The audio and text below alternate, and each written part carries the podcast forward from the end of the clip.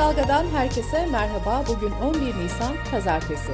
Ben Demet Bilge Erkasap. Gündemin öne çıkan gelişmelerinden derleyerek hazırladığımız Kısa Dalga Bülten başlıyor.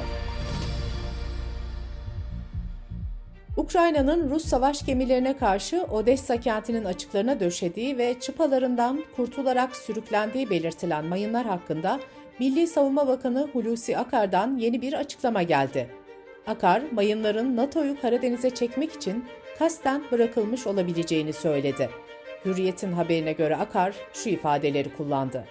Karadeniz'deki mayınları kim bıraktı bilmiyoruz. Rus yapımı ama hangi ülke bıraktığı araştırılıyor. Biz Montreux kurallarına bağlı kalacağız. Karadeniz'in savaşa çekilmesine müsaade etmeyeceğiz. Muhalefetin Cumhurbaşkanı adayının kim olacağı konusunda tartışmalar sürüyor. Güçlendirilmiş parlamenter sistem mutabakatında imzası olan 6 muhalefet partisinden Demokrat Parti lideri Gültekin Uysal, Millet İttifakı'nın adayının eski Anayasa Mahkemesi Başkanı Haşim Kılıç olacağı iddialarına tepki gösterdi. Bazı isimlerin bilinçli olarak gündeme getirildiğini savunan Uysal, bu haberlere itibar edilmemesi gerektiğini söyledi. Zafer Partisi Genel Başkanı Ümit Özdağ ise Ankara Büyükşehir Belediye Başkanı Mansur Yavaş'ı Cumhurbaşkanı adayı olarak göstereceklerini söylemişti. Özdağ, 6 muhalefet partisi liderinin ortak adayı olmaması halinde Yavaş'a parti olarak kendilerinin teklif götürebileceğini belirtti. İstanbul Büyükşehir Belediye Başkanı Ekrem İmamoğlu toplu taşımaya yapılan %40 zamla ilgili konuştu. Halk TV'de yayınlanan İpek Özbey'in sunduğu Sadece Soruyorum programına katılan İmamoğlu şöyle dedi. 4 ay içinde %110 civarında mazot zammı yapıldı. İETT'nin günlük açığı 12-13 milyon liralara çıkmaya başladı. Bu zammı yapmasaydık İETT iflas ederdi. Ulaştırma ve Altyapı Bakanı Adil Kara İsmailoğlu'na da tepki gösteren İmamoğlu sözlerine şöyle devam etti. Atatürk Havalimanı konusu kapandı diyor. Atatürk Havalimanı'na bir şey yapacaksan önce millete sor. Yapılmamış bir ihalenin parasını nasıl ödettiğinin hesabını ver. Zonguldak MHP'de aile, kadın ve engellilerden sorumlu başkan yardımcısı olarak görev yapan Mevlüde Yalçıner, 8 ay önce eşini kaybeden CHP ilçe başkanı Ebru Uzun'a taziye ziyaretine gitti. MHP Zonguldak İl Başkanı Varol Demirköse, Yalçıner'i görevden aldı. Karara tepki gösteren Yalçıner şöyle konuştu. Zonguldak küçük bir yer ve herkes birbirini tanır. Farklı partilerde farklı siyasi görüşe sahibiz diye düşman mı olmamız gerekiyor? Bu haksızlıkla sonuna kadar mücadele edeceğim. Emekli Polisler Emniyet Teşkilatı'nın 177. kuruluş yıl dönümünde eğitim farkı gözetmeksizin tüm polislere 3600 ek gösterge verilmesi talebiyle Ankara'da eylem yaptı emekli polislerin bayrak direğine astığı Vatan sana canım feda yazılı pankart eylem için alanda görevlendirilen meslektaşları tarafından indirildi. Emekli polisler de bu durumu protesto etmek için hazırladıkları basın açıklamasını okumaktan vazgeçti. CHP'nin KHK mağdurlarıyla gerçekleştirdiği toplantıların sonuncusu Ankara'da yapıldı. KHK platformu sözcüsü Minir Korkmaz, 1125 arkadaşlarının hastalanarak veya başka işlerde çalıştığı için yaşamını yitirdiğini, 100 kişinin de intihar ettiğini söyledi. CHP Genel Başkan Yardımcısı Gülizar Biçer Karaca, iktidara geldiklerinde haklarında dava açılmamış, takipsizlik kararı verilmiş, beraat edip kararları kesinleşmiş olanları ve barış akademisyenlerini bir ay içinde göreve iade edeceklerini söyledi. Meteoroloji Genel Müdürlüğü tarafından yapılan son değerlendirmelere göre bugün Balkanlar üzerinden gelen soğuk havayla birlikte kuzeybatı kesimlerden başlayarak hava sıcaklıklarının 10 ila 15 derece azalması bekleniyor. Yağışların kuzey ve doğu bölgelerde karla karışık yağmur ve kar şeklinde etkili olacağı tahmin ediliyor. Salı günü ise ilk saatlerden itibaren Karadeniz'in iç ve yüksekleri, İç Ege, Marmara'nın güney ve doğusu, İç Anadolu, Akdeniz'in iç ve yüksekleri, Doğu Anadolu ve Güneydoğu Anadolu'nun yükseklerinde zirai don tehlikesi bekleniyor. Sırada ekonomi haberleri var. Hazine ve Maliye Bakanı Nurettin Nebati, cumartesi günü katıldığı MÜSİAD'ın iftar programında konuştu. Enflasyonun düşeceği iddiasını yineleyen Nebati şöyle devam etti. Pazardaki fiyatları biliyoruz. Biz de bu ülkede yaşıyoruz. Aynı sokakta, pazarda, sofrada, minibüste, otobüsteyiz. Sıkıntıları paylaşıyoruz. Artık yaz geliyor. Aralık ayından itibaren de her ay enflasyonun nasıl düştüğünü hep beraber göreceğiz.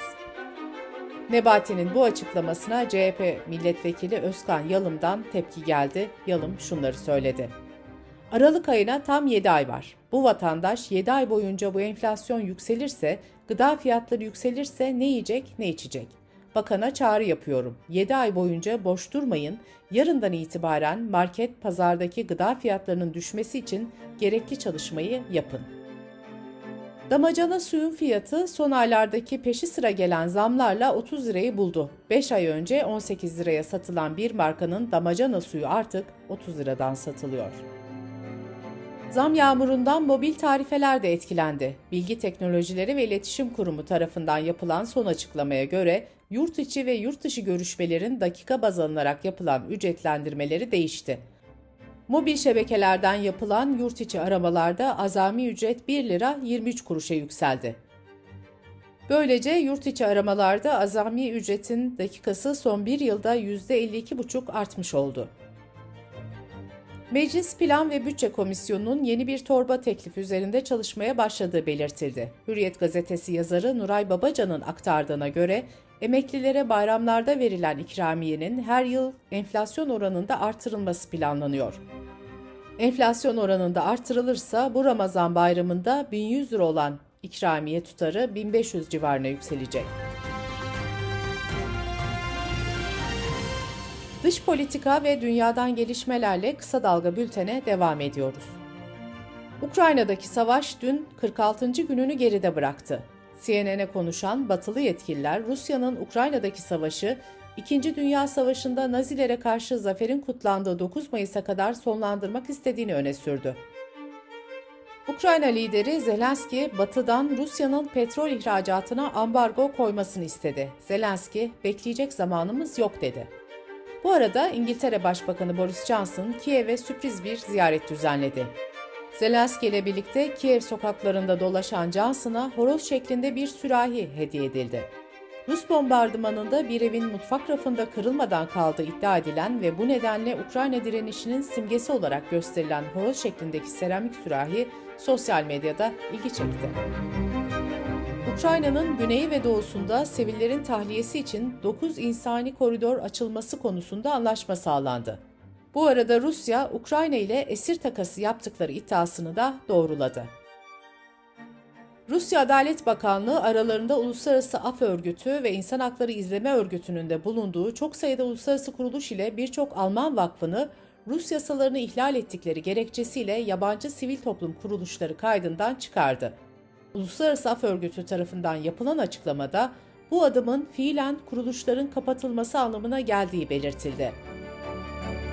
Pakistan'da İmran Han hükümeti parlamentoda düzenlenen güvensizlik oylamasıyla düştü. İmran Han, tarihi askeri darbelerle dolu ülkede parlamento tarafından görevden alınan ilk başbakan oldu. 3 yıl 7 aylık iktidarında Amerikan karşıtı bir politika benimseyen, Çin ve Rusya'ya daha yakın bir siyaset izleme arzusunu dile getiren Han'ın ardından yeni bir hükümetin muhalefet lideri Şahbaz Şerif Başbakanlığında kurulması bekleniyor. Pfizer, tüm koronavirüs varyantlarını kapsayan bir aşı üzerinde çalıştıklarını açıkladı. Şirket yetkilileri hatırlatma dozlarının rafa kaldırılmasını ve tek bir aşıya geçilmesini daha yararlı bulduklarını söyledi. Şirket, aşı araştırmasının sonuçlarının günler içinde netleşeceğini de duyurdu.